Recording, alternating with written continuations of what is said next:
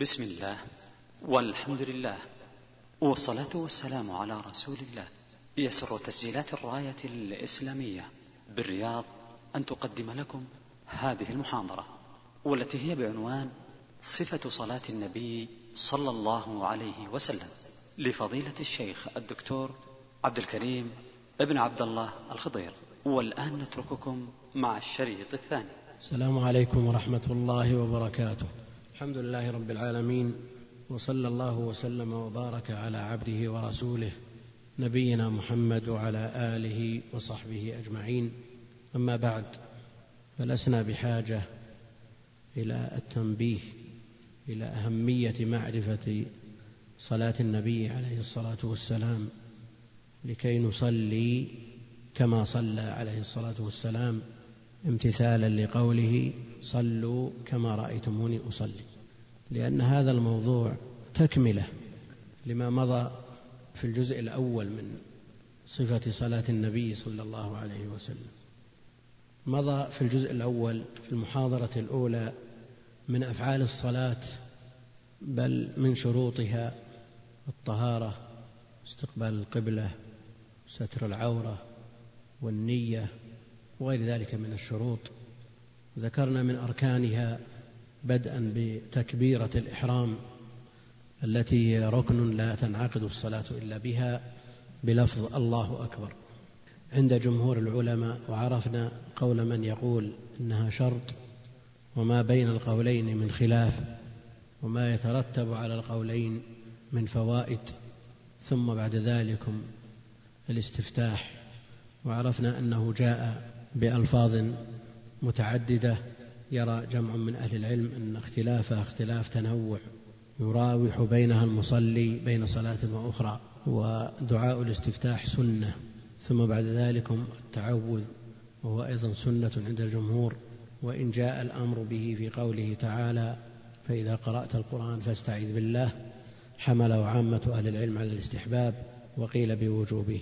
والبسملة والخلاف فيها هل هي آية من الفاتحة أو ليست بقرآن؟ النمل أو هي آية في القرآن ليست من سورة بعينها جاءت للفصل بين السور خلاف بين أهل العلم أشرنا إليه فيما تقدم ثم قراءة الفاتحة وهي ركن من أركان الصلاة عند الجمهور لا تصح إلا بها. وتلزم كل مصل إلا المسبوق على خلاف بين أهل العلم. في المأموم هل يتحمل الإمام عنه القراءة في كل صلاة أم في الجهرية دون السرية؟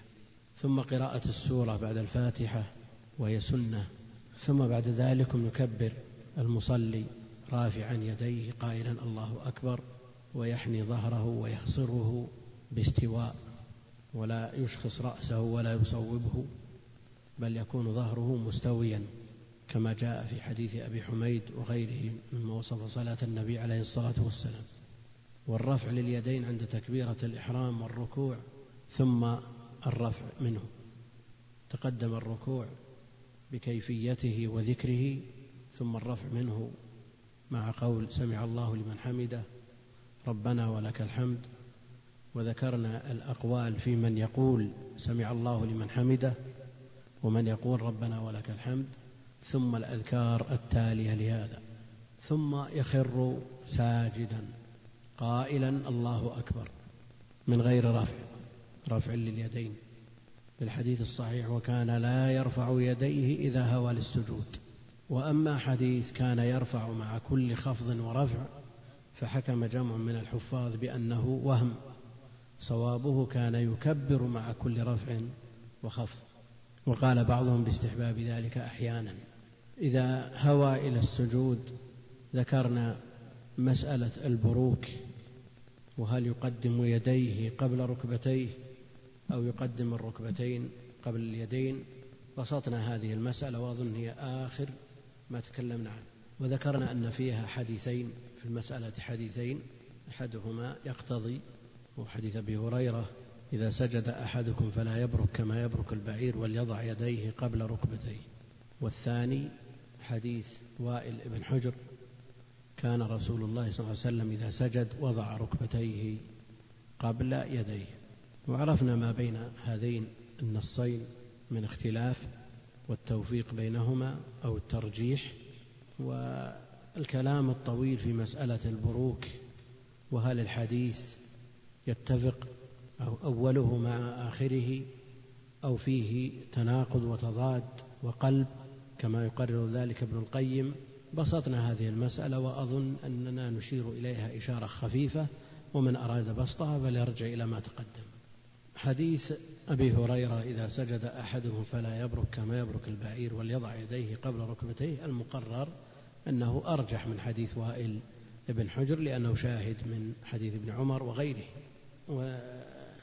والبروك يراد به النزول على الأرض بقوة النزول على الأرض بقوة. كما يقال برك البعير حصحص البعير إذا أثار الغبار وفرق الحصى. أما الإنسان إذا وضع يديه مجرد وضع على الأرض قبل ركبتيه فإنه لا يسمى حينئذ بروك بل هو مجرد وضع. والحديث الثاني فيه وضع. ركبتيه قبل يديه والملاحظ في الأمرين من الفعل المضاف إليه عليه الصلاة والسلام في حديث وائل ومن أمره عليه الصلاة والسلام المضارع المقترن بلام الأمر في حديث أبي هريرة أن المراد مجرد وضع سواء قدمت اليدين أو الركبتين. إذا لاحظنا هذا قلنا أنه ليس فيه تناقض ولا تضاد ولا نحتاج إلى أن نقول مقلوب ولسنا بحاجة إلى أن نقول ركبتي البعير في يديه ولا غير ذلك. بل الحديث يوافق آخره أوله. لأنك إذا نزلت على الأرض بقوة قلنا بارك. إذا وضعت يديك قبل ركبتيك قلنا وضع يديه قبل ركبتيك. ما قلنا بارك؟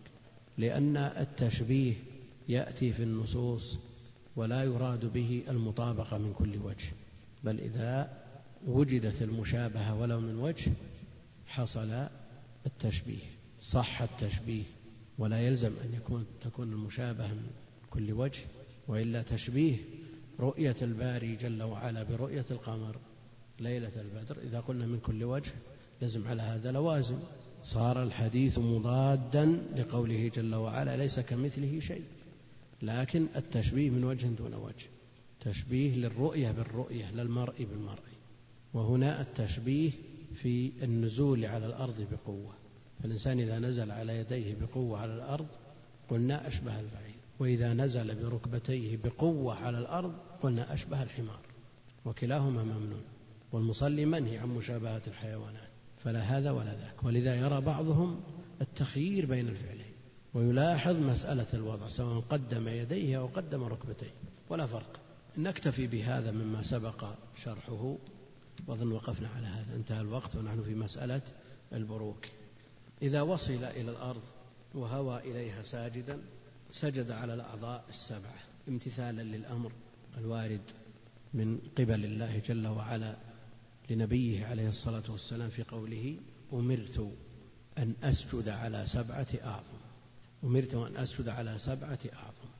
والآمر هنا نعم هو الله جل وعلا لأنه لا يتصور آمر للنبي عليه الصلاة والسلام إلا الله. بخلاف ما لو قال ذلك الصحابي أمرنا أو نهينا فالمتجه أن الآمر والناهي هو النبي عليه الصلاة والسلام. فإذا قال النبي عليه الصلاة والسلام أمرت كما هنا أو نهيت عن قتل المصلين فالآمر والناهي هو الله جل وعلا. وإذا قال الصحابي أمرنا أو نهينا فالجمهور على أن الآمر والناهي هو النبي عليه الصلاة والسلام. وهذا مفصل في موضعه. أمرت أن أسجد على سبعة أعظم على الجبهة وأشار بيده إلى أنفه يعني كأنه عظم واحد. وهذا عضو من الأعضاء السبع قال سبعة وهي ثمانية. نعم لماذا قال؟ أمرت أن أسجد على سبعة أعظم وإذا فصلناها صارت ثمانية. الجبهة والأنف واليدان والركبتان وأطراف القدمين. لكن قال على الجبهة وأشار بيده إلى أنفه فدل على أن الأنف تابع للجبهة وهما بمنزلة العضو الواحد. فالأصل هو الجبهة والأنف تابع لها. فإذا سجد على الأنف فقط لم يجزه السجود. أقول إذا سجد على الأنف فقط لم يصح سجوده لكن إذا سجد على الجبهة فقط وترك التابع وهو الأنف فالمسألة خلافية بين أهل العلم والحديث يدل على أن السجود على الأنف مأمور به لأنه مع التفصيل لما أجمل والبيان لما أجمل وبيان الواجب واجب عند أهل العلم. وأشار بيده إلى أنفه واليدين واليدين والمراد باليدين الكفان الكفان. لكن هل المراد بالكفين ظهوره ظهورهما؟ لا المراد بطون الكفين بطون الكفين. وبطن الكف يشمل الراحة وبطون الأصابع. ويلاحظ من بعض المصلين أنه يسجد ببطون الأصابع فقط وهذا لا يجزي. ببطون الأصابع فقط لا يجزي لأن الأصل في الكف الراحة وظهر الكف. نعم. لا يجزي بل بعضهم يسجد على هيئة العاجن. هذا موجود لا سيما عند الأحداث الأسنان الصغار. يجمع الكفين هكذا ويسجد عليهما هذا نراه كثيرا. لا سيما عند صغار السن والسجود على هذه الكيفية لا يجزي فليلاحظ واليدين والركبتين والسجود على الركبتين المخالفة فيهما قليلة. لا يتصور أن شخص يرفع ركبتيه ويرفع إحداهما. اللهم إلا إذا كان شخص معاند. لكن كثيرا ما يكون الخلل في السجود على الأنف مثلا يرفع الأنف أو اليدين لا يمكنهما من الأرض والخلل أيضا يتطرق إلى السجود على أطراف القدمين. كثير من الناس يرفع أطراف القدمين. وأطراف القدمين من الأعضاء السبعة التي أمرنا بالسجود عليهم. يقول وأطراف القدمين. فلا بد من السجود على أطراف القدمين ليتم المأمور به. لأن الأمر متجه إلى سبعة أعضاء. فلا يتم امتثال الأمر إلا باجتماعها. وبعض الناس يرفع قدميه. قد يحتاج الإنسان إلى رفع إحدى القدمين مثلا ليحك بها الأخرى. ساجد. فلسعته بعوضة فاحتاج إلى الحك فإن استوعب الركن كله السجود كله رافعا قدم السجود فيه فيه نظر. لكن إن حكها وأعادها حك رجله بها وأعادها لا يؤثر إن شاء الله تعالى. تكون حركة يسيرة معفو عنها إن شاء الله تعالى.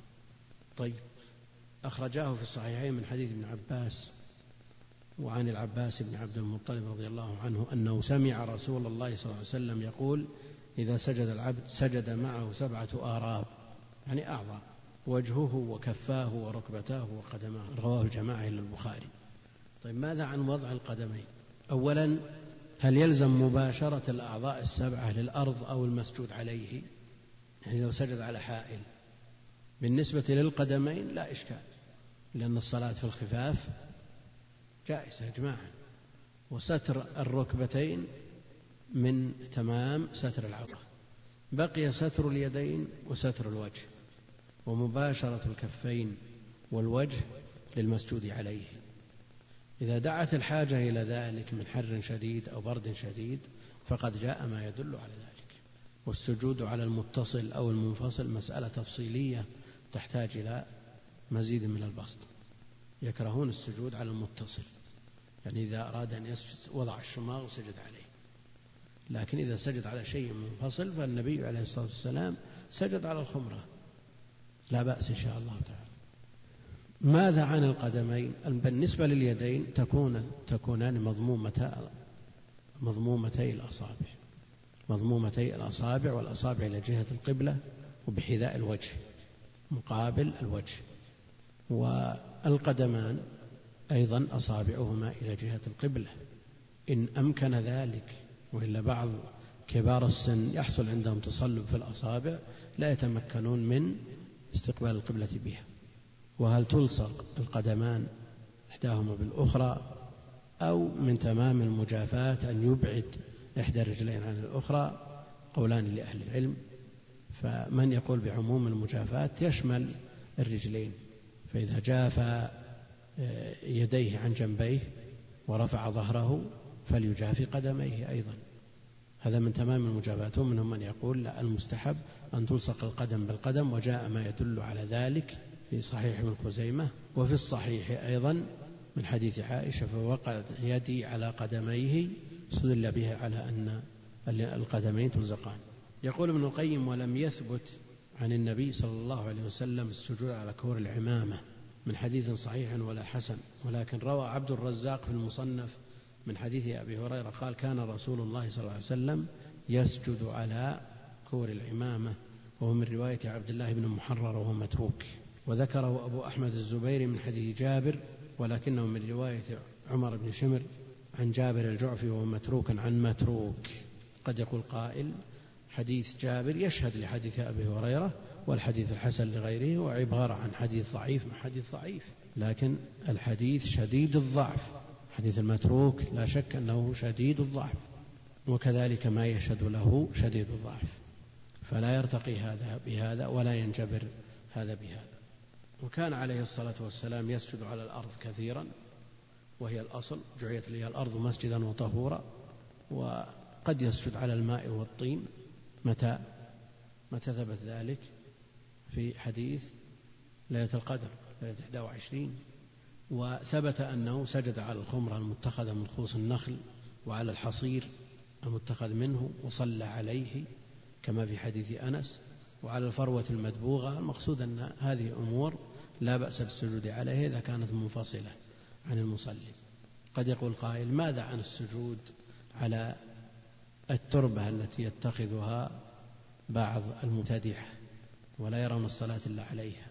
هذه التربة يزعمون أنها مأخوذة من تراب كربلاء ولا يصححون الصلاة إلا بالسجود عليها أو ما يقوم مقامها من الأرض ولذا تراهم لا يسجدون على الفرشات يسجدون على الأرض أو يضعون شيئا يجعلونه بمثابة هذه التربة من قرطاس أو من خوص وما أشبه ذلك. المقصود أن هذه مبتدعة لم يقل بها من يعتد بقوله من أهل العلم وأيضا التشبث بها وأنها من تربة طاهرة من كربلاء كربلاء ليس لم يرد فيها ما يخصها من نص صحيح بل تمسك بها بعض من زاغ في دينه وحاد عن الصراط المستقيم والله المستعان.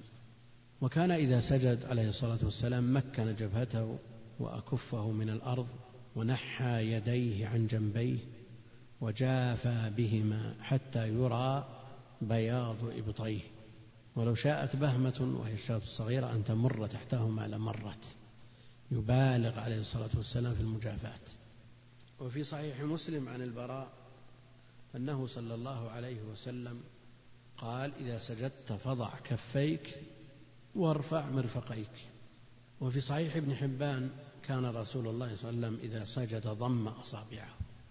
يضم أصابعه لأنها تكون إذا ضمت استقبلت القبلة وإذا فرجت اتجهت إلى جهات متعددة فالمطلوب ضمها ليستقبل بها القبلة. وكان يقول في سجود سبحان ربي الأعلى ثلاث مرات وربما كررها أكثر من ذلك وأمر بها فقال اجعلوها في سجودكم وحث عليه الصلاة والسلام على كثرة الدعاء في السجود فقال أما الركوع فعظموا فيه الرب وأما السجود فأكثروا فيه من الدعاء فقامن أن يستجاب لكم حري وجدير أن يستجاب لكم لأن العبد أقرب ما يكون إلى ربه وهو ساجد وهو ساجد. ولذا يختلف أهل العلم في المفاضلة بين طول السجود وبين طول القيام. بين طول القيام وبين طول السجود. قوموا لله قانتين فالقنوت القيام من القنوت والسجود جاء فيه نصوص مثل ما سمعتم. أقرب ما يكون العبد من ربه وهو ساجد. وأما السجود فأكثر فيه من الدعاء. والخلاف بين أهل العلم في المفاضلة بين هذين الركنين يعني في إطالتهما مسألة معروفة. والسبب فيها ما جاء من الحث على طول القيام وأن النبي عليه الصلاة والسلام قام حتى تبطرت قدماه والصلاة تسمى قيام. قيام الليل المراد به صلاة. ما من عبد يدركها وهو قائم فيعبر بالقيام عن الصلاة لأهميته. وأما السجود فمعروف أقرب ما يكون العبد من ربه وهو ساجد اختلف العلماء في المفاضلة بينهم. إيش معنى هذا الكلام؟ أن شخصا يريد أن يصلي ساعة. يريد أن يصلي ساعة. هل يستغل غالب هذه الساعة بقراءة القرآن في الصلاة؟ بمعنى أنه يطيل القيام ولا يطيل الركوع والسجود أو يطيل الركوع والسجود أطول من القيام. بمعنى أنه يخفف القراءة وينكسر بين يدي ربه عز وجل وينطرح بين يديه ويطرق بابه متلذذا بمناجاته حال أقرب ما يكون إليه وهو السجود. لكن الذي حرره جم من العلم أن القيام أفضل بذكره والسجود أفضل بهيئته. فالمسألة حسب ما يرتاح الإنسان. فالذي يريح الإنسان بعض الناس يتلذذ بطول القراءة. يتلذذ بطول القراءة. فيقال لمثل هذا أطل أطل القيام وأطل القراءة لا بأس. ما دام تتلذذ بها وقلبك يحضر أثناء قراءة القرآن وتدبر القرآن أكثر من حضوره حال السجود نقول افعل هذا. ومثل هذا يسمى قيام. وقيام الليل من أفضل العبادات. وهو دأب الصالحين. ونعم الرجل عبد الله لو كان يقوم من الليل. فالصلاة يعبر عنها بالقيام لأهميته. الشخص الذي يقول أنا والله إذا بدأت أقرأ القرآن يسرح ذهني ولا أتدبر لكن إذا سجدت وأخذت بالأدعية قربت من ربي وناجيته وأحضرت قلبي نقول كل خير إن شاء الله تعالى. فالذي هو أنفع لقلبك أكثر منه لأن الإنسان قد يفتح له باب يقربه من الله جل وعلا ويجد نفسه في الأبواب الأخرى دون يستغل هذا الباب وهو على خير في الحالتين كلتيهما. فقامن أن يستجاب لكم يعني حري وجدير أن يستجاب لكم. وكان من دعائه عليه الصلاة والسلام سبحانك اللهم وبحمدك اللهم اغفر لي. ومنه اللهم إني أعوذ برضاك من سخطك وبمعافاتك من عقوبتك وأعوذ بك منك لا أحصي ثناء عليك أنت كما أثنيت على نفسك. رواه مسلم من حديث عائشة. وكان يقول اللهم لك سجدت وبك آمنت ولك أسلمت سجد وجهي للذي خلقه وصوره وشق سمعه وبصره تبارك الله أحسن الخالقين. رواه مسلم من حديث علي رضي الله عنه. وكان يقول اللهم اغفر لي ذنبي كله دقه وجله وأوله وآخره وعلانيته وسره. رواه مسلم من حديث أبي هريرة. وغير ذلك من الأدعية التي ثبتت عنه عليه الصلاة والسلام في هذا الركن. فلتراجع كتب السنة. وكان عليه الصلاة والسلام إذا سجد لا يفترش ذراعيه بل كان يجافيهما كما سبق بل نهى عن ذلك. فقال ولا يفترش أحدكم ذراعيه افتراش الكلب. في رواية افتراش السبع. وبعض الناس يفترش يأتي تعبان ويضع يديه على الأرض. بعضهم يرتاح بذلك لكن هذا منهي عنه. لكن إن احتاج إلى ما يسند يديه فليضع أطرافهما على ركبتيه. وجاء في ذلك ما يدل عليه عند الحاجة إليه وإلا فالأصل المجافاة والمجافاة يفعلها الإمام لا إشكال لأنه لا يضيق على أحد والمنفرد يفعلها لكن المأموم المأمور بالتراص في الصف مثل هذا قد يصعب عليه المجافاة على كل حال من أمكنه أن يفعل هذه السنة فليحرص عليها فليحرص عليها الطمأنينة في السجود ركن كغيره من الأركان كما في حديث المسيء حيث نص على الطمأنينة في جميع الأركان ومنها السجود. بل ثبت عنه عليه الصلاة والسلام أن سجوده كان قريبا من ركوعه وركوعه كان قريبا من قيامه. وجاء ما يدل على أن صلاته في قيامها وركوعها وسجودها قريب من السواء. كيف يكون السجود قريب من الركوع والركوع قريب من القيام وثبت عنه عليه الصلاة والسلام أنه صلى بالبقرة ثم النساء ثم آل عمران. خمسة أجزاء. فإذا ركع بمقدار خمسة قام بمقدار خمسة أجزاء وركع بمقدارها وسجد بمقدارها الركعتين بمثابة قراءة القرآن كامل. نقول المقاربة نسبية. بمعنى أن القيام طويل يكون الركوع طويل. ولا يعني أنه طويل طول القيام. يعني قام ساعة ثم ركع دقيقة. هذا مناسب؟ هذا غير مناسب. سجد دقيقة هذا غير مناسب. لكن إذا قام ساعة فليطيل الركوع. وليطل السجود ليكون قيامه وركوعه وسجوده كلها مستوية في الطول. والمراد به الطول النسبي. الطول النسبي. ثم يرفع من السجود مكبرا وثبت هذا التكبير من فعله عليه الصلاة والسلام وأمر بذلك المسيء في صلاته. التكبير للركوع والتكبير للسجود والتكبير للرفع منه وبقية التكبيرات عدا تكبيرة الإحرام هذه يسمونها تكبيرات الانتقال. تكبيرات الانتقال وهي واجبة عند الحنابلة وسنة عند غيرهم. والرفع من السجود كالهوي إليه ليس من مواضع رفع اليدين. وأما حديث كان يرفع مع كل خفض ورفع نبهنا إلى أن من أهل العلم من حكم عليه بأنه وهم غير محفوظ والمحفوظ أنه كان يكبر مع كل خفض ورفع.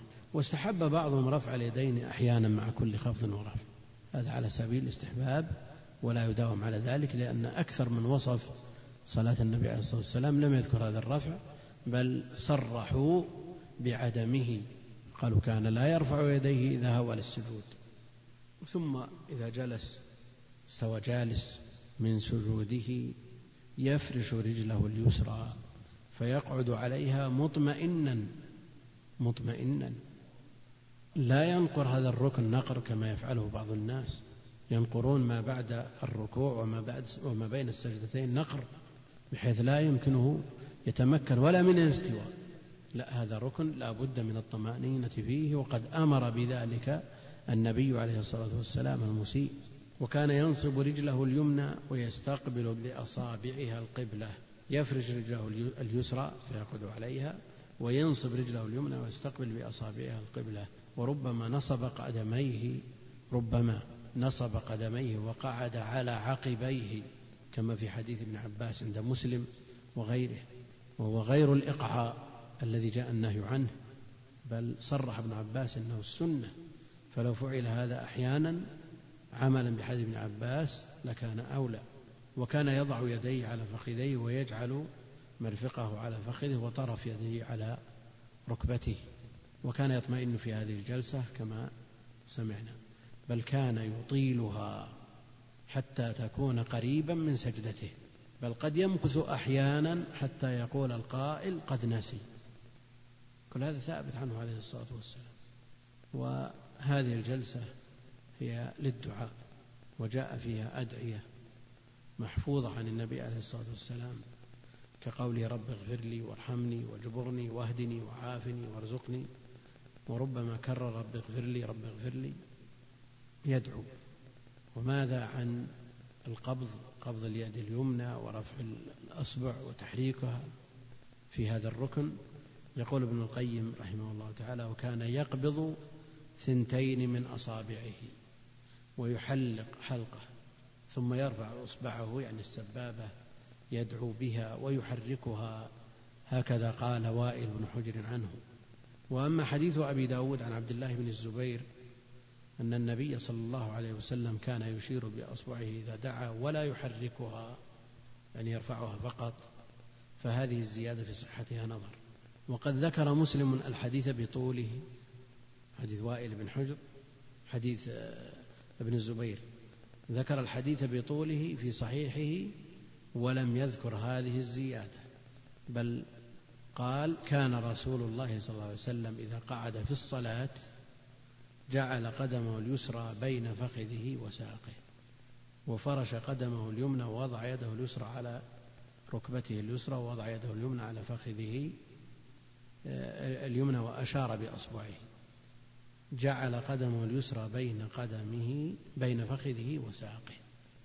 عرفنا أنه يفترش. نعم يفترش في هذه الجلسة بين السجدتين يفترش هذا المحفوظ. وهو أيضا محفوظ في التشهد الأول الافتراش. يجلس على رجله يفرش رجله اليسرى ويقعد عليها وينصب اليمنى. لكن ابن القيم نقل حديث ابن الزبير في صحيح مسلم إذا قعد في الصلاة جعل قدمه اليسرى بين فخذه وساقه. يعني هذا في هذا الموضع ولا في التشهد؟ وهل يمكن تطبيق هذه الصورة من جميع المصلين أو لا يمكن؟ نعم. تطبيق هذه الصورة. ممكنة؟ في أحد يستطيع يطبقها أمام الإخوان؟ نعم. هذا بالنسبة للي ما ما هو بدين ممكنة. لكن بعض المصلين بعض الناس ما يمكن. يصعب عليه جدا تطبيقه. وفرش قدمه اليمنى ووضع يده اليسرى إلى آخره. يقول وأيضا فليس في حديث أبي داود عنه أن هذا كان في الصلاة. وأيضا لو كان في الصلاة لكان نافيا وحديث وائل بن حجر مثبتا وهو مقدم وهو حديث صحيح ذكره أبو حاتم في صحيحه. على كل حال هذه الزيادة زيادة تحريك منهم من يقول أنها زيادة من ثقة. مثبت وغيره نافي والمثبت مقدم على النافي ومنهم من يقول يحكم بأنها زيادة غير محفوظة. زيادة غير محفوظة. ثم يكبر ويسجد السجدة الثانية وأمر بها المسيء في صلاته وكان يضع يصنع في هذه السجدة مثل ما صنع في الأولى مثل ما صنع في الأولى. ثم يرفع رأسه مكبرا وجاء الأمر بالتكبير في هذا الموضع في حديث المسيء. يرفع رأسه مكبرا من السجدة الثانية. السجدة الثانية هيئتها وأذكارها كالأولى كالأولى لكن هل هي طول الأولى أو أقصر منها؟ وهل كل سجود دون الذي قبله أو مثله؟ يعني قاعدة الصلاة أن كل فعل من أفعالها دون الذي قبله. يعني الركعة الأولى بجملتها أطول من الركعة الثانية والثانية أطول من الثالثة وهكذا. لكن هل السجود سجدات الصلاة بمنزلة واحدة. والتخفيف والتطويل إنما هو في القراءة كما كما نص على ذلك في بعض الأحاديث أو أن الركعة بكاملها أقصر من الأولى الثانية أقصر من الأولى والثالثة أقصر من الثانية. ولنستحضر حديث صلاة الكسوف. وفيه فقام رسول الله صلى الله عليه وسلم قياما طويلا نحو من قراءة سورة البقرة ثم ركع ركوعا طويلا ثم رفع ثم قرأ قام قياما طويلا وهو دون القيام الأول ثم ركع ركوعا طويلا وهو دون الركوع الأول ثم سجد سجودا طويلا ثم رفع ثم سجد سجودا طويلا وهو دون السجود الأول ثم قام قياما طويلا وهو دون القيام الأول ثم ركع ركوعا طويلا وهو دون الركوع الأول ثم قام قياما طويلا وهو دون القيام الأول ثم ركع ركوعا طويلا وهو دون الركوع الأول إلى آخر الصلاة. ماذا نستفيد من هذا الحديث؟ في قوله وهو دون القيام الأول وهو دون الركوع الأول. يعني كم في الصلاة من قيام؟ صلاة الكسوف المشروحة أربعة وفيها أربعة ركوعات وأربع سجدات.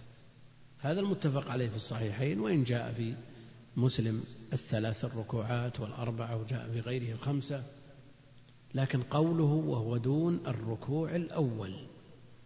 يحتمل أن يكون المراد بالأول الأولية المطلقة وهو الذي هو أول ركوع وما عداه من الركوعات الثلاثة دون الركوع الأول أولية مطلقة.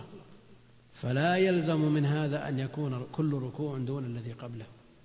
لأن نحكم على الركوع الأول أولية مطلقة بأنه متميز عن غيره وما عداه من القيامات كلها دونه. والركوع الأول أولية مطلقة فيه طول متميز بالطول ودونه الركوعات الثلاثة الباقية. وقل مثل هذا في السجود. لكن إذا قلنا الأول أولية نسبية وليس المراد به الأولية المطلقة. إيش معنى أولية نسبية؟ كل ركوع أول بالنسبة للذي يليه. الركوع الثاني أول بالنسبة للثالث. والركوع الثالث أول بالنسبة للرابع وهكذا. فإذا قلنا بأن المراد بالأولية الأولية المطلقة قلنا المتميز هو الأول. والثلاثة الباقية كلها على حد سواء. وإذا قلنا أولية نسبية وأن كل قيام دون الذي قبله وأن كل ركوع دون الذي قبله وأن كل سجود دون الذي قبله صارت الصلاة متدرجة متدرجة. فإذا قرأ في الأولى القيام الأول البقرة يقرأ في الثاني آل عمران مثلا. لكن هل يقرأ في الثالث النساء؟ دعونا على على الاحتمالين. الاحتمال الثاني ممكن لأن النساء دون البقرة دون القيام الأول أولية مطلقة. لكن على الاحتمال الثاني وهي الأولية النسبية لا. إذا قرأ آل عمران يقرأ مثلا آه، يونس لتكون الصلاة متدرجة. البقرة آل عمران يونس. ثم بعد ذلك في القيام الرابع شو يقرأ؟ يقرأ هود؟ لا. على الاحتمال الأول نعم. على الاحتمال الأول التدريج ما يقرأ هود. يقرأ مثلا ياسين لتكون الصلاة متدرجة. كل قيام دون الذي قبله. لكن إذا قلنا أن المراد بالأولية أولية مطلقة وانتهى الإشكال. تكون يكون الركوع القيام الأول متميز وما بعده متساوي. فليقرأ في القيام الأول البقرة وفي الثاني آل عمران وفي الثالث النساء وفي الرابع الأعراف لتكون متقاربة. ويفوقها القيام الأول في الذي هو الأولية مطلقة. نأتي إلى ما عندنا. هذا صلاة الكسوف تقرب لنا ما عندنا من الصلاة. لأن بعض الناس يلاحظ عليه إطالة آخر سجدة في الصلاة. بعض الناس يلاحظ عليه. ولاحظنا من من الشيوخ الكبار الذين أدركناهم كذلك يطيلون. السجدة الأخيرة من الصلاة ويفعلها بعض الشباب الآن. فهل نقول أن هذا خلاف السنة؟ أن كل ركن دون الذي قبله؟ السجدة الأخيرة دون التي قبلها والتي قبلها دون التي قبلها وهكذا؟ أو نقول تميز الركعة الأولى وما عداها؟ يكون دون الأولى لكن بغض النظر عن الثانية والثالثة والرابعة. وكأن ملحظ من يطيل السجدة الأخيرة أنها هي بالنسبة للسجود والقرب من الله جل وعلا هي الوداع. آخر شيء. فيريد أن يصلي صلاة مودع ولو في جزء الصلاة ويستدرك ما فاته وغفل عنه في السجدات السابقة. هذا قد يلحظه بعض الناس لكن العبرة بما ثبت عن النبي عليه الصلاة والسلام لأن العبادات توقيفية. فإذا لم يكن السجود الرابع أقل من الثالث أقل الأحوال يكون مثله. إذا نهض من السجدة الثانية مكبرا غير رافع ليديه. جاء في الصحيح عن أبي قلابة قال جاءنا مالك بن الحويرث في مسجدنا هذا فقال إني لأصلي بكم وما أريد الصلاة. أصلي كيفما رأيت رسول الله صلى الله عليه وسلم يصلي. فقلت لأبي قلابة كيف كان يصلي؟ فقال مثل صلاة شيخنا هذا مثل صلاة شيخنا هذا يعني عمرو بن سلمة الجرمي وكان يجلس إذا رفع رأسه من السجود قبل أن ينهض. رفع رأسه من السجدة الثانية ويريد أن ينهض إلى الركعة الثانية يجلس يجلس إذا رفع رأسه من السجود. وفي رواية وإذا رفع رأسه من السجدة الثانية جلس واعتمد على الأرض. ثم قام. وفي رواية عنه أنه رأى رسول الله صلى الله عليه وسلم عن مالك بن الحويرث يصلي فإذا كان في وتر من صلاته لم ينهض حتى يستوي قائما. لم ينهض حتى يستوي قائما. يعني في وتر من صلاته أنهى الركعة الأولى أو أنهى الركعة الثالثة يكون موضع هذا الجلوس الذي جاء في حديث مالك ابن الحويرث.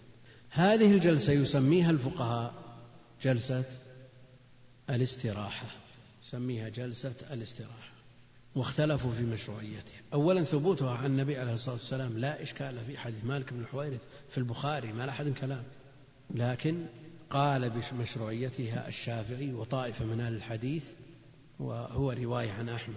يعني هذا القول قول الشافعي رواية عن الإمام أحمد بمشروعية جلسة جل هذه الجلسة.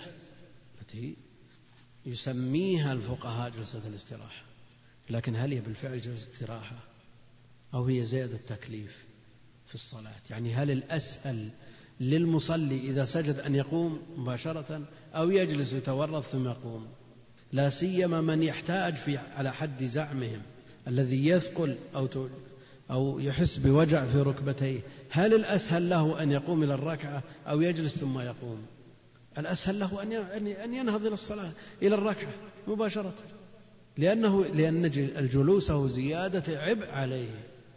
لماذا؟ لأنه في السجود الرجل ليست منثنية انثناء تام نصف انثناء. ثم إذا قام مباشرة أسهل عليه من كونه يثنيها ثنيا كاملا ثم يقوم. أنا أقول كون الفقهاء سموها جلسة استراحة وليس في النصوص ما يدل على هذه التسمية. من أجل إيش؟ من أجل أن يسموها راحة في الصلاة إنما يفعلها من يحتاج إلى هذه الراحة. لكن إذا تصورناها زيادة عبء في الصلاة وعناء في الصلاة نعم ما نحتاج إلى أن نقول ما يفعلها إلا من يحتاج إليها. نقول العكس قد المحتاج قد لا قد لا يفعلها. المحتاج قد لا يجلس هذه الجلسة لأن ما يجلس جلسة طويلة بحيث آه، يرتاح راحة تامة لا. هي مجرد جلسة خفيفة ثم يقوم. فهذه زيادة تكليف عليه. لم يستحبها لا الماء الحنفية ولا المالكية ولا الحنابلة في المشهور عندهم. أقول هذه الجلسة التي ثبتت في الصحيح من حديث مالك بن الحويرث استحبها الإمام الشافعي والإمام أحمد في رواية ولم يستحبها الأكثر لا الإمام أبو حنيفة ولا مالك ولا أحمد في المشهور عنه. من استحبها استدل بهذا الحديث. من لم يستحبها قال هذه إنما حوضت عن النبي عليه الصلاة والسلام في آخر حياته لما ثقل ولذا لم تذكر لم يذكرها جميع من وصف صلاة النبي عليه الصلاة والسلام إلا مالك بن الحويرث. هذا بالنسبة للإمام. أما بالنسبة للمأموم عند هؤلاء لا يجلس. لماذا؟ لأنه إنما جعل الإمام ليؤتم به. إنما جعل الإمام ليؤتم به فلا تختلفوا عليه. أما بالنسبة لتسميتها جلسة الاستراحة وأنه إنما يحتاج إليها عند الحاجة إليها أقول قد تكون الحاجة إلى تركها وهذا شيء مجرب. الشيبان الكبار واللي عندهم روماتيزم وما أشبه ذلك لا صعب عليهم الجلوس يصعب عليهم هذه الجلسة. إنما مباشرة من السجود ينهضون. فكونها تفعل عند الحاجة نقول الحاجة داعية لتركها وأما كونها لم تنقل إلا من طريق مالك بن الحويرث فقد نص ابن القيم وابن حجر أنها جاءت في بعض طرق حديث أبي حميد الذي وصف صلاة النبي عليه الصلاة والسلام بحضرة عشرة من الصحابة. ونص ابن حجر في التلخيص إلى أنها جاءت في بعض طرق حديث المسيء. أما قوله عليه الصلاة والسلام إنما جعل الإمام لأتم به فلا تختلف عليه.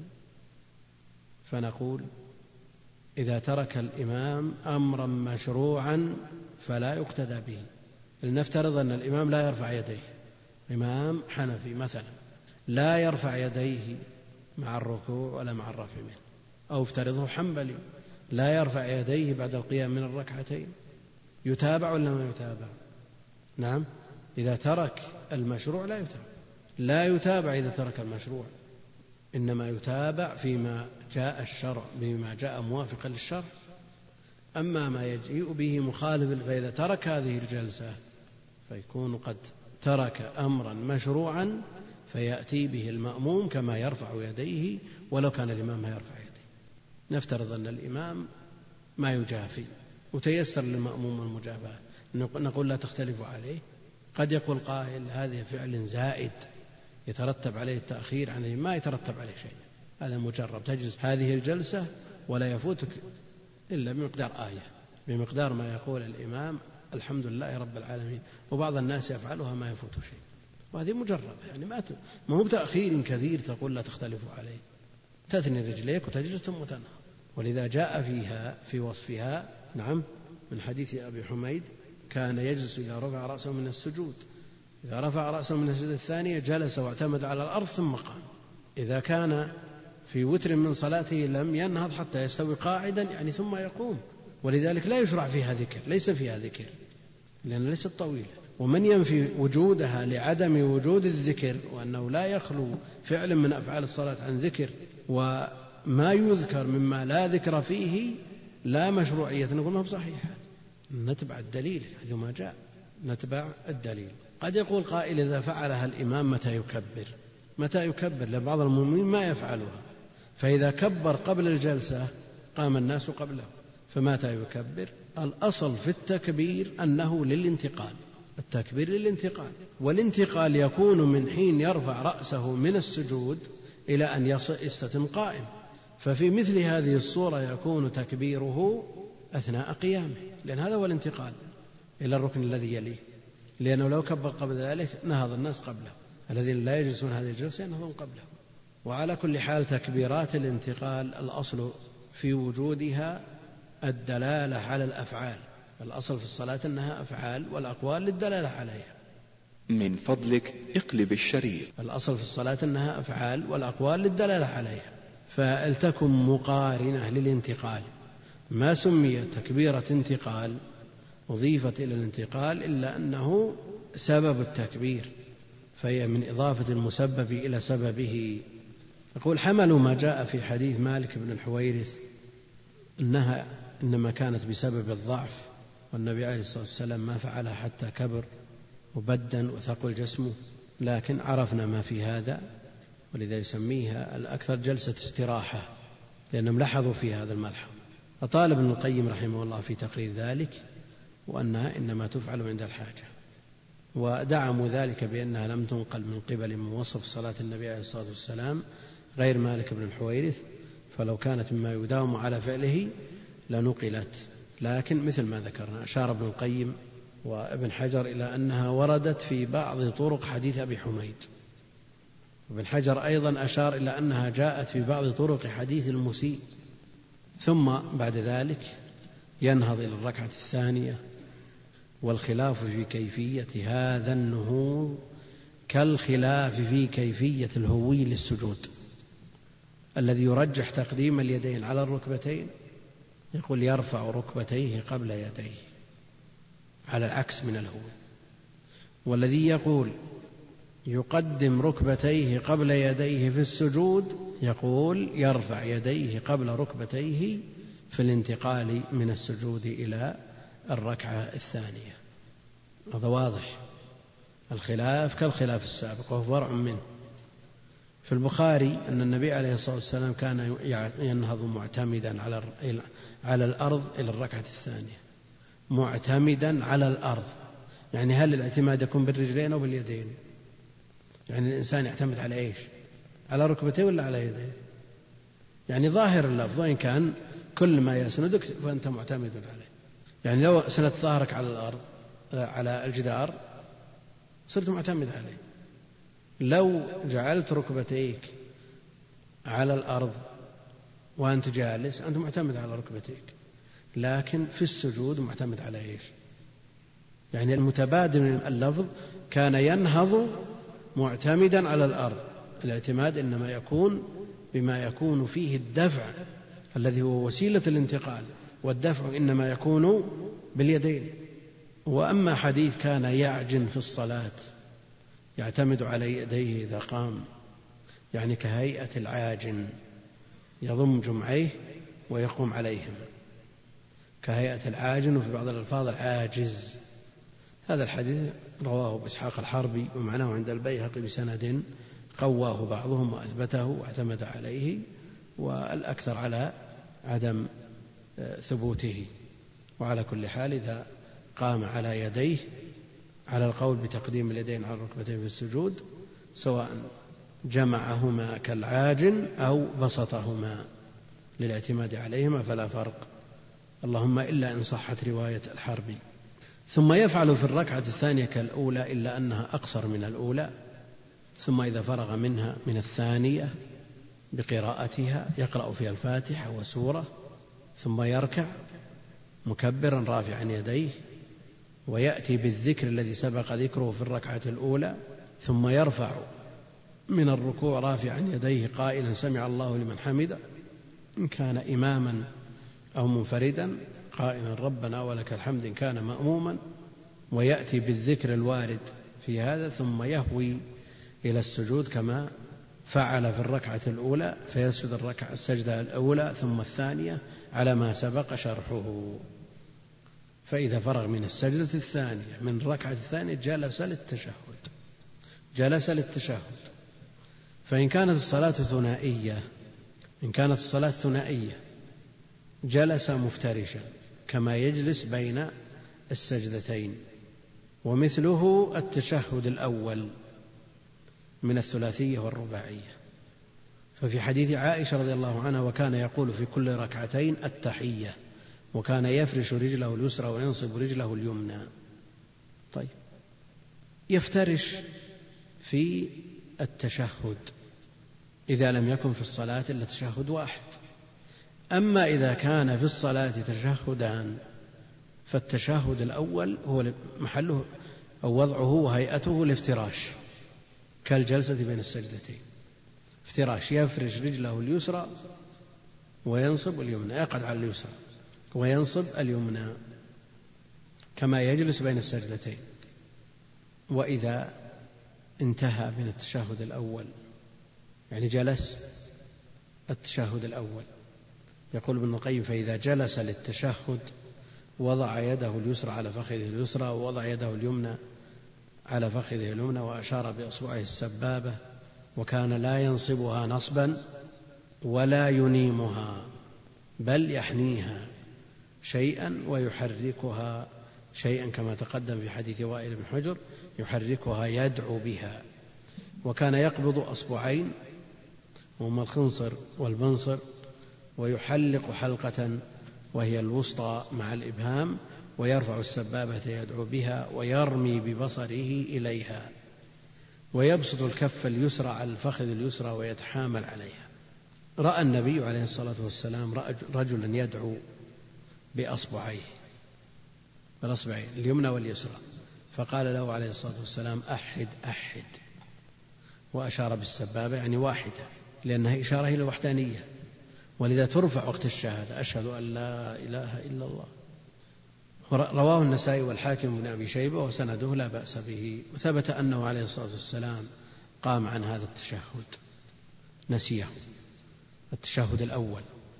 وجبره بسجود السهو كما في حديث عبد الله بن بحينة في الصحيحين. النبي عليه الصلاة والسلام في صلاة الظهر في حديث عبد الله بن مالك بن بحينة قام النبي عليه الصلاة والسلام فسبحوا به فلم يرجع. فلما تشهد التشهد الأخير سجد سجدتين ثم سلم. فالتشهد الأول واجب لمداومة النبي عليه الصلاة والسلام عليه وليس بركن لأن النبي عليه الصلاة والسلام لما قام عنه لم يرجع والركن لا بد من وجوده. الركن هو الجانب الأقوى. فلو كان ركنا لما جبر بالسجود. ولو كان سنة لما احتيج إلى السجود. فدل سجوده عليه الصلاة والسلام للسهو بسبب تركه دل على وجوبه.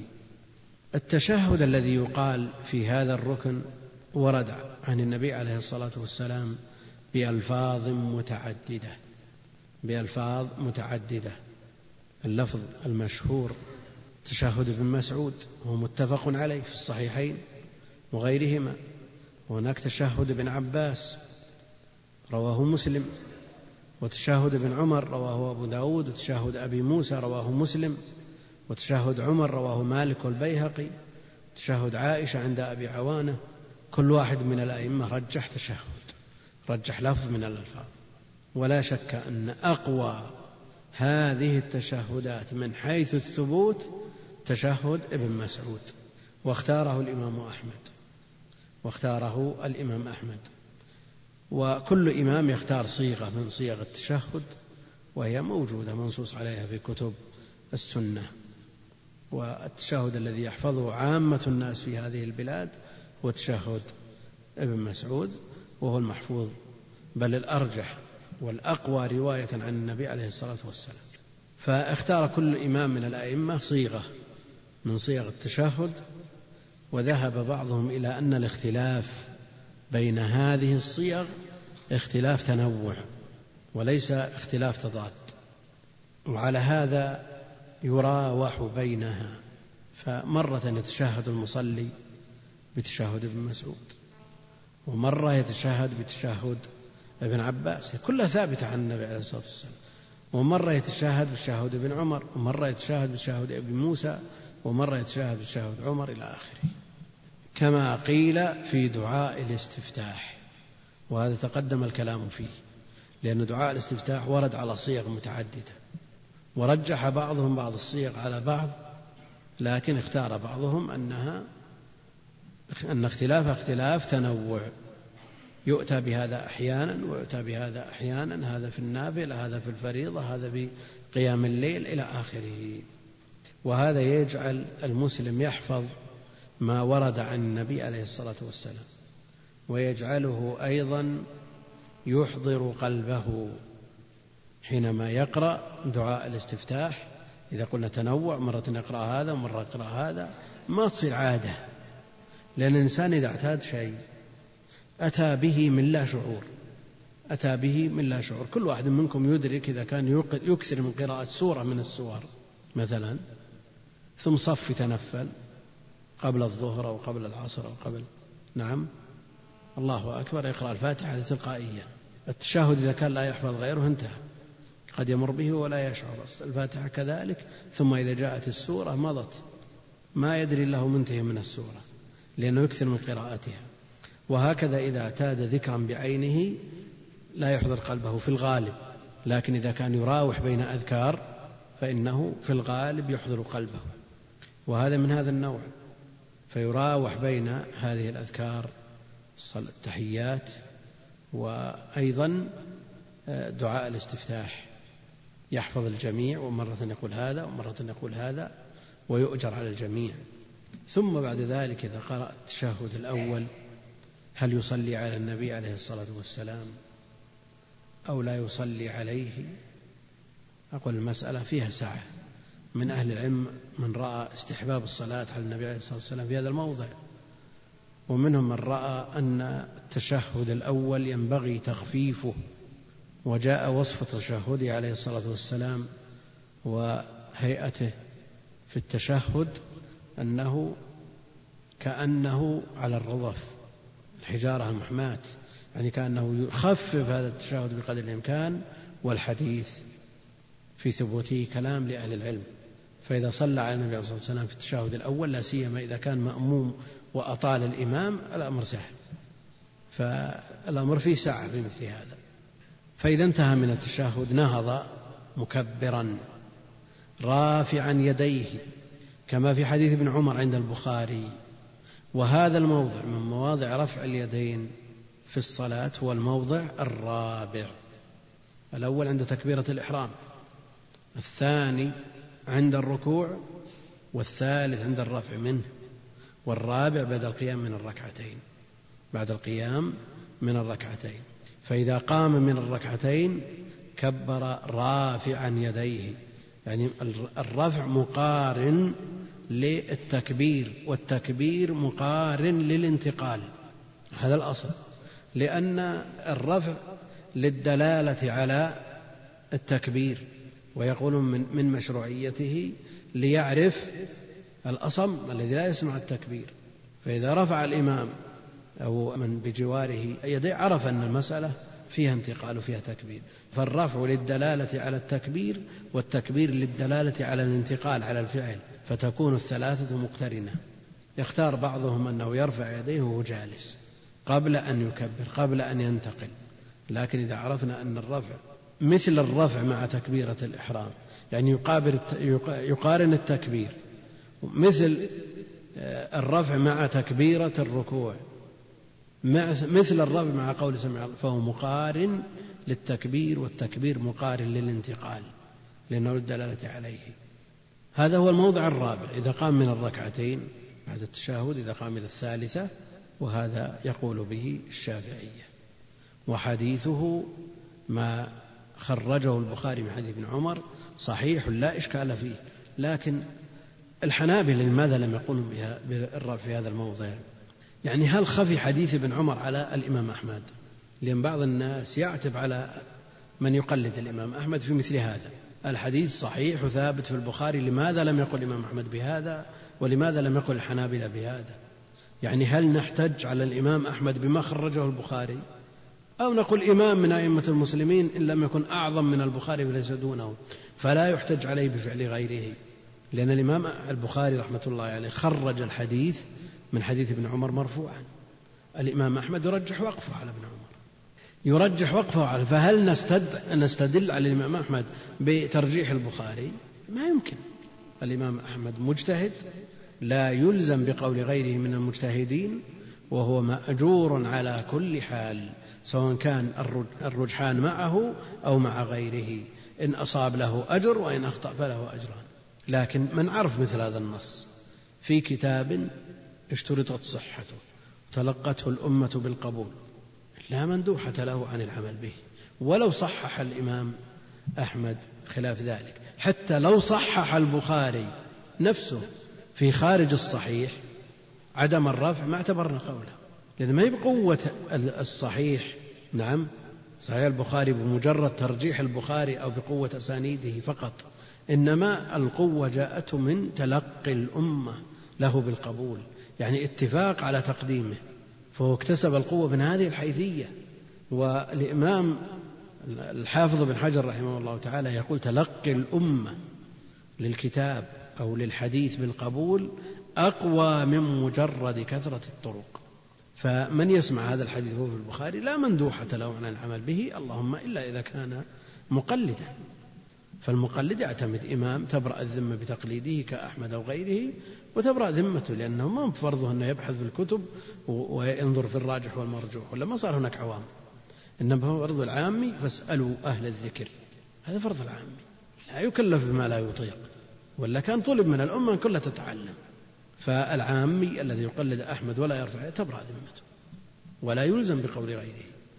لكن لو قيل له من باب المشورة أن الإمام البخاري خرج هذا الحديث وهو أيضا مواضع الرفع فلو رفعت كان أحوط لك. وإذا قال لك إن الإمام أحمد إن الإمام أحمد إذا ما دام ترجح عنده هذا لا, لا نلزمه بقول غيره كلام صحيح. فالذي ليس من أهل النظر لا يستطيع النظر في الأدلة ولا في الأقوال ولا يستطيع أن يرجح بينها على الطرق المعتبرة عند أهل العلم هذا فرض سؤال أهل العلم. وإذا قلد من تبرأ الذمة بتقليده خلاص انتهى الإشكال. ما يلزم بغيره. ثم يصلي الثالث ثم يجلس التشهد الثاني في الثلاثية صلاة المغرب يصلي الثالثة مثل ما يصلي الأولى والثانية إلا أن القراءة يقتصر فيها على الفاتحة.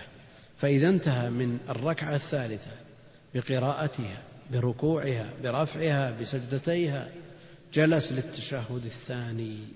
هذا في الثلاثية في صلاة المغرب.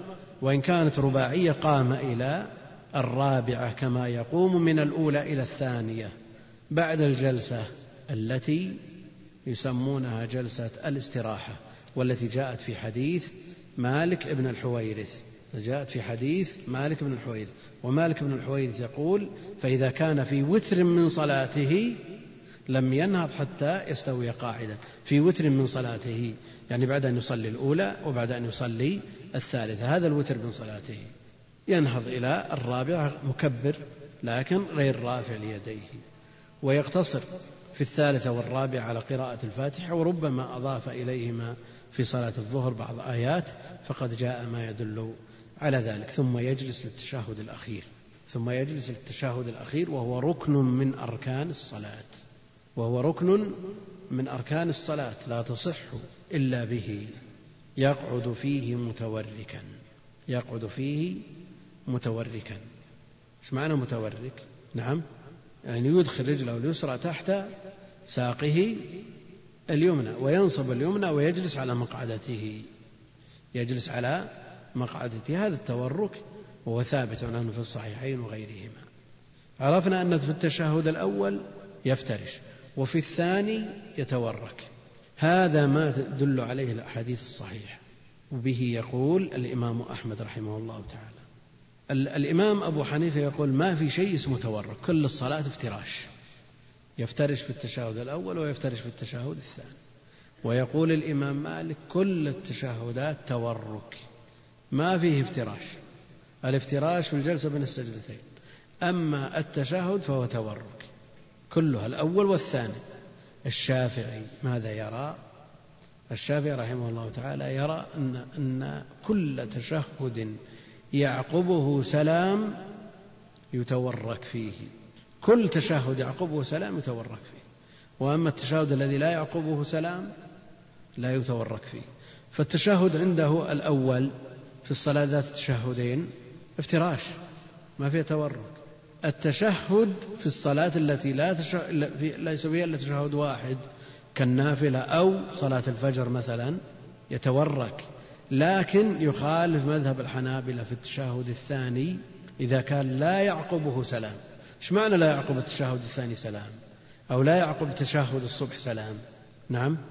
بأن يعقب التشهد الذي الأصل فيه أن يتورك فيه عند الشافعي إذا كان يعقبه سجود سهو مثلا. يتورك ولا يفترش؟ يفترش لأنه لا يعقبه سلام هذا التشهد وإنما يعقبه سجود سهو. فهناك آه، اتفاق وافتراق بين المذهبين. الحنفية ما عندهم شيء اسمه تورك والمالكية يقولون كل تشهد فيه تورك والحنابلة يقولون التشهد الأول افتراش والثاني تورك وهو الذي دلت عليه النصوص وهو الراجح. الأئمة لا تخلو مذاهبهم من أدلة لكن مع ذلك هذه الأدلة الصحيحة صريحة مفسرة للأدلة المجملة. ويقرأ في هذا الركن التشهد الذي سبق في التشهد الأول بالصيغ المذكورة. لكن هل معناه أنه يذكر جميع الصيغ؟ يقرأ في التشهد تشهد ابن مسعود وتشهد ابن عباس تشهد ابن عمر تشهد عمر إلى آخر لها يختار واحد منها إذا كان ممن يرى أن اختلاف اختلاف تنوع. يقرأ التشهد ثم بعد ذلك يصلي على النبي عليه الصلاة والسلام بالصيغة الواردة. اللهم صل على محمد وعلى آل محمد كما صليت على إبراهيم ولا على آل إبراهيم. أو بكل منهما جاء الخبر كما صليت على إبراهيم وعلى آل إبراهيم. جاءت بعض الروايات بهذا وبعضها اقتصر فيها على الآل.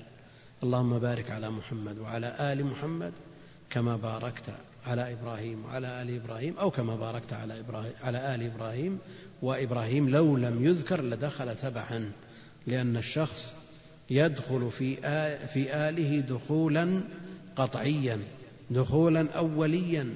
بدليل في مثل قوله جل وعلا ويوم القيامة أدخلوا آل فرعون أشد العذاب. يعني يدخل الآل ويترك فرعون.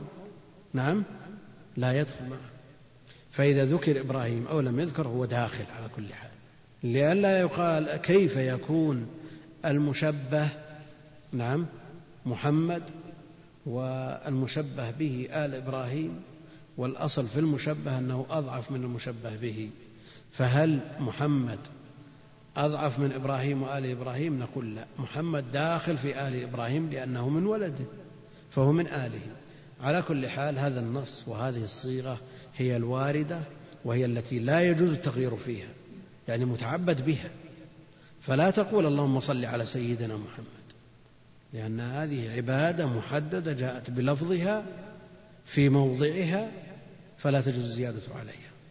وهذه في هذا الموضع يعني التنصيص على الآل لا بد منه في هذا الموضع.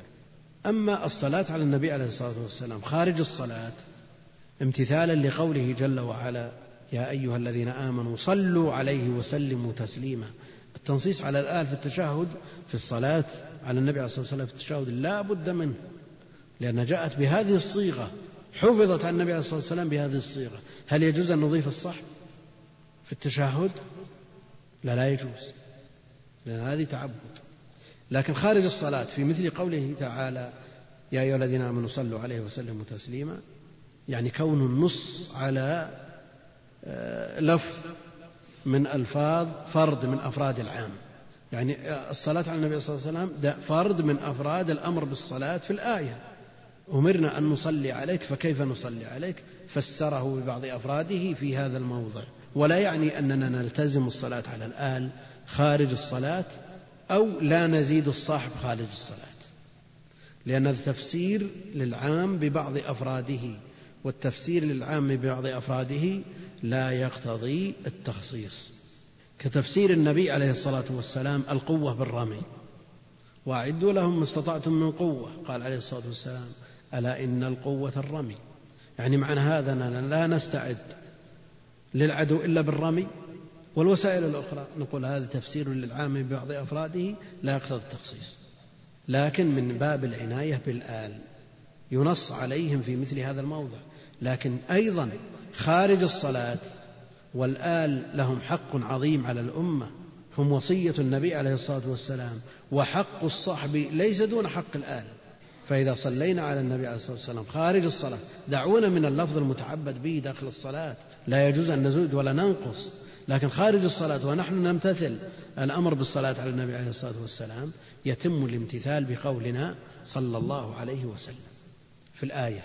لكن في الصلاة ما يتم. نأتي إلى إذا أردنا أن نعطف على النبي عليه الصلاة والسلام فلا نقتصر على الآل ولا نقتصر على الصحب. لأن كل من الآل والصحب لهم, لهم حقوق. يعني إذا كان الآل هم وصية النبي عليه الصلاة والسلام وعلينا أن نصلي عليهم تبعا له فلنصلي على الصحب لأنهم بواسطتهم وصل لنا هذا الدين. هم الذين حفظ الله بهم الدين وهم الذين نشروا الدين. إذا نعطفهم على الآل على النبي عليه الصلاة والسلام وآله وصحبه وإلا فأصل الامتثال امتثال الآية يتم بدونهما. لكن لما لهما من الحق؟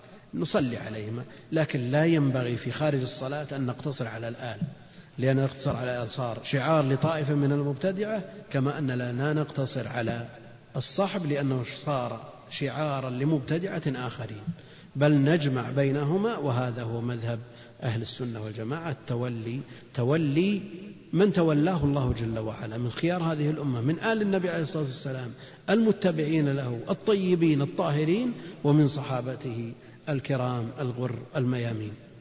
ثم بعد هذا يستعيذ المصلي بالله من أربع فقد جاء الأمر بالاستحاذة من هذه الأربع. اللهم إني أعوذ بك من عذاب جهنم ومن عذاب القبر ومن فتنة المحيا والممات ومن شر فتنة المسيح الدجال. فليستعذ. جاء الأمر بها والجمهور على أن الاستعاذة سنة. الاستعاذة سنة. وأما طاووس بن كيسان فهو يوجبها وأمر ابنه بإعادة الصلاة لما ترك الاستعاذة بالله من أربع كما في صحيح مسلم.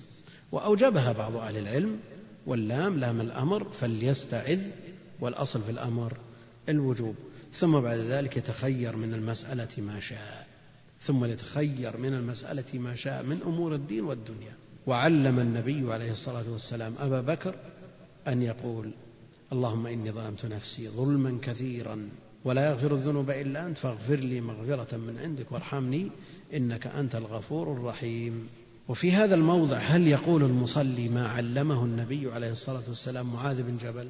يا معاذ إني أحبك فلا تدع أن تقول في دبر كل صلاة اللهم أعني على ذكرك وشكرك وحسن عبادتك.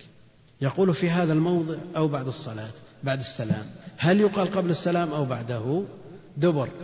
النبي عليه الصلاة والسلام يقول في دبر كل صلاة والدبر يشمل ما كان متصلا بما هو دبر له ويشمل أيضا ما كان منفصلا عنه يشمل ما كان منفصلا عنه. دبر الدابة متصل بها يعني جزء منها. وأيضا لما قال النبي عليه الصلاة والسلام الأذكار التي تقال في أدبار الصلوات هل تقال قبل السلام ولا بعدها؟ التسبيح ثلاثا وثلاثين والتحميد ثلاثا وثلاثين والتكبير ثلاثا وثلاثين والختم بلا إله إلا دبر كل صلاة. هل هذا قبل السلام ولا بعده؟ بعد السلام. فالدبر يحتمل أن يكون قبل ويحتمل أن يكون بعد. فإذا أطال الإمام وبقي عندك وقت وأردت أن تقول اللهم أعني على ذكرك وشكرك وحسن عبادتك فلا بأس وإن أخرته إلى ما بعد السلام فلا بأس والمسألة فيها ساعة والقاعدة التي قعدها شيخ الإسلام أن الأدعية داخل الصلاة والأذكار خارج الصلاة منتقضة. الصلاة مملوءة بالأذكار. وأيضا بعد السلام أدعية. ما حفظ عنه بعد انصرافه من صلاته. رب قني عذابك يوم تبعث عبادك هذا بعد الانصراف من الصلاة. فليس بمضطردا كل دعاء ينبغي أن يكون داخل الصلاة. هذا ليس بمضطرد. فإذا قال اللهم أعني على ذكرك وشكرك وحسن عبادك قبل السلام كان فيه ساعة لا بأس وإن أخره إلى ما بعد السلام فاللفظ محتمل. ثم بعد ذلك يسلم عن يمينه قائلا السلام عليكم ورحمة الله حتى يرى بياض خده الأيمن كما كان يفعل عليه الصلاة والسلام ثم يسلم عن يساره السلام عليكم ورحمة الله حتى يرى بياض خده الأيسر.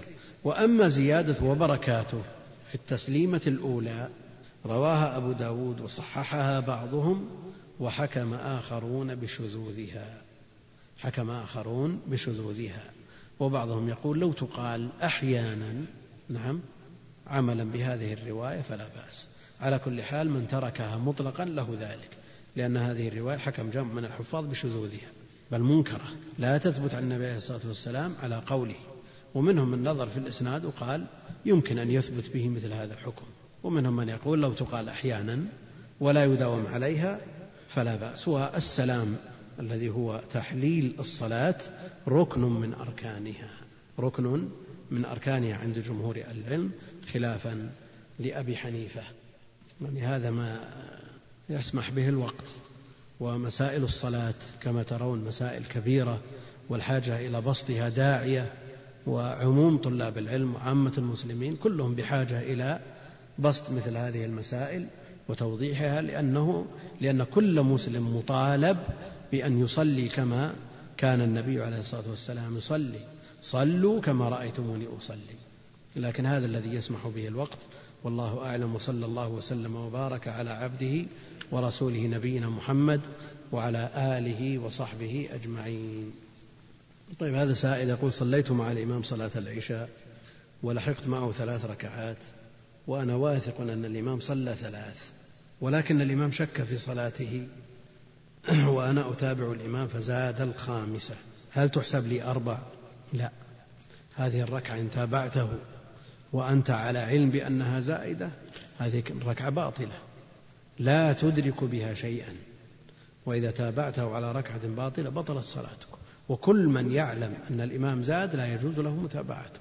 فالمتعين أن ينوي الانفراد عن الإمام ويترك الإمام في هذه الحالة إذا أصر إذا نبه. وسبح به وأصر فينوي الانفراد ويفارق يقول إذا دخل المسبوق والإمام راكع فهل يدخل معه في الركعة مباشرة أم يقف ويكبر تكبيرة الإحرام؟ علما أن الإمام قد يرفع من الركوع قبل أن يركع. آه، تكبيرة الإحرام لا بد أن تكون عن قيام. تكون عن قيام لأنها ركن من أركان القيام. فيكبر قائما ثم يركع. إن شاء كبر للركوع وإن أدخل تكبيرة الركوع في تكبيرة الإحرام كفت. يقول ما هو المشروع للإمام إذا كان راكعا؟ انتظار الداخل حتى يدرك الراكع أم يرفع.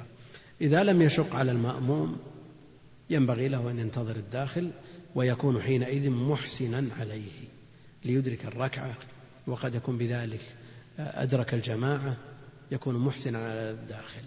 هذا إذا لم يشق على المأمومين وإلا فالمتقدم إلى الصلاة أولى بالرعاية والعناية من المتأخر. إذا كان يشق عليهم لا ينتظر. ومن أهل العلم من يرى أن انتظار الداخل تشريك في العبادة فلا يجوز وهذا قول معروف عند المالكية. لكن الجمهور على أنه إذا لم يشق على المأمومين ينتظر. لأن يقول لأن بعض الأئمة يستعجل في الرفع إذا سمع وقع أقدام شخص داخل. أما الشخص الذي دخل وبان عليه أثر السكينة والوقار وانتظر. نعم. رأفة ورحمة به هذا طيب. أما الشخص الذي يحدث أصوات ويزعج ويتنحنى هذا ينبغي أن لا ينتظر. عقوبة له لأنه خالف السنة. يقول لو أن رجلا دخل المسجد وإذا هم يصلون على جنازة فصلى معهم فهل تغنيه هذه عن تحية المسجد؟ تحية المسجد لا تسقط إلا بأداء إلا بصلاة ركعتين. ركعتين فأكثر. فلا تتأدى تحية المسجد بركعة واحدة. لو دخل بعد العشاء وقال أريد أن أجلس لكن أوتر بركعة نقول ما يكفي. حتى يصلي ركعتين وإذا صلى أكثر دخلت الركعتان. يقول ما الضابط في مسألة صلاة جماعتين في آن واحد في مسجد واحد؟ فإن هذا يحصل في كثير من المساجد لا سيما في الطرق وما حكم صلاة إقامة جماعتين في مسجد واحد في آن واحد؟ هذا محرم عند أهل العلم لأنه يخالف الهدف الأصلي من صلاة الجماعة. يوجد خلاف يوجد شقاق يوجد نزاع يوجد في الأنفس شيء. والشرع حريص على الاجتماع اجتماع الكلمة ولذا شرعت الجماعة. لكن لو قدر أنه مسجد كبير جدا كالحرمين مثلا وجماعة ما رأت الأخرى صلت في جهة والأخرى الذي لا يعلم لا لا يلزمه شيء. الذي الجاهل معفو عنه وهذا في حكمه. أقرب ما يكون العبد من ربه وهو ساجد والحديث الآخر أقرب ما يكون رب من عبدي آه، في جوف الليل. فإن استطعت أن تكون ممن يذكر من يذكر الله في تلك الساعة فكيف يكون التقريب والتوبة؟ لا اختلاف. أنه كل القرب والبعد نسبي وهناك قرب ومن هناك ما هو أقرب منه. فإذا اجتمع القربان في جوف الليل وسجود أيضا كان أقرب. ما حكم جلسة الاستراحة؟ هذه الجلسة التي تحدثنا عنها باستفاضة وأظن الحكم تبين من خلال الحرف يعني الأكثر؟ يقول أنها ليست بمستحبة إلا لمن احتاج لكن ثبوتها في حديث مالك بن الحويرث هو صحيح يدل على أنها مستحبة مطلقة. يقول ما حكم جمع أدعية الاستفتاح اثنين أو أكثر في موضع واحد؟ الأصل أن النبي عليه الصلاة والسلام حفظت عنه الاستفتاحات كل واحد في صلاة فالجمع بين أكثر من استفتاحين خلاف السنة. يقول بعض الناس يقولون الله أكبر بالواو وأكبر بدل من قوله الله أكبر. ماذا تقول لهم, لهم؟ خاصة المؤذنين. نعم بعض كبار السن بعض العوام يقول الله أكبر. الله أكبر. لكن الواو هذه إيش موقعها الأصل الله أكبر. هذا الأصل. مبتدأ وخبر تكون جملة.